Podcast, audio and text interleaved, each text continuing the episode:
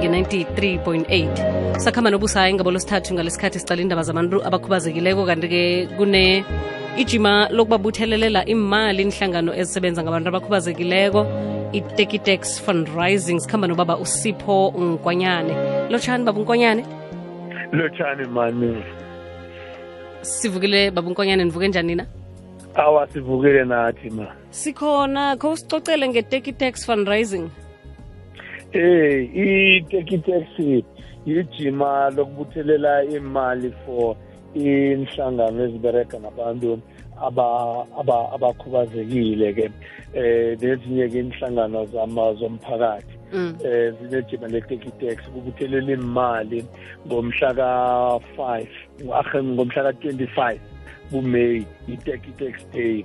Lapho abantu bacelwa ukuthi bafake ama-intika kunezitika esizithengisako eh ngo-10 rand ke abantu bafaka amateki bafaka amajini kunama-shoelace athengiswa ngo-35 rand nawo. Okay. Um ya abantu bafake izinto izinto lezo ngo-friday mhla ka-25 eh ijima lelo kade likhona-ke ekuthiwa imali zonke ezitholwa lapho-ke zidistribute zinikezwe inhlangano zonke zibereka eh zomphakathi ezibereka ngabantu abakhubazekile inhlangano ezibereka nabantu abadala njalo njalo.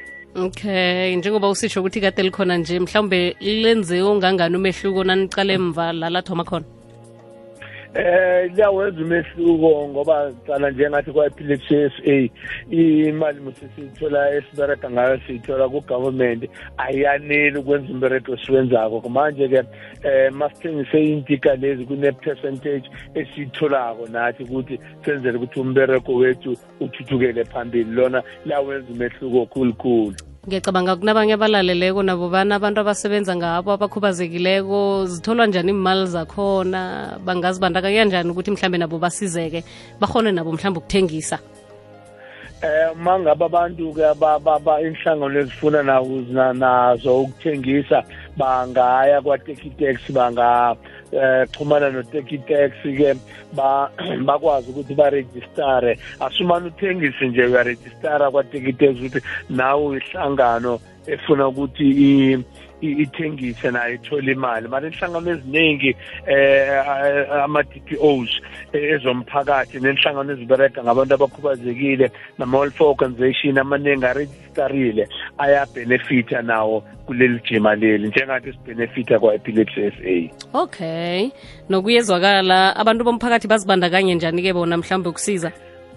Abantu bomphakathi bangazibandakanya ngokuthi bathenge intika lezi ke ziyatholakala intika lezi eh ema-ofisini waka-epilepsy s a ziyatholakala intika lezi ko-etrix eh inhlangano zomphakathi eziningi zinazo intika lezi. Siyabakhuthaza abantu ukuthi bazithenge intika lezi. Ten rand njena kuphela izitika ziyokwenza umehluko kakhulu ekuthini ukuthi kuthuthuke umbereko wokuhelebha abantu abakhubazekile.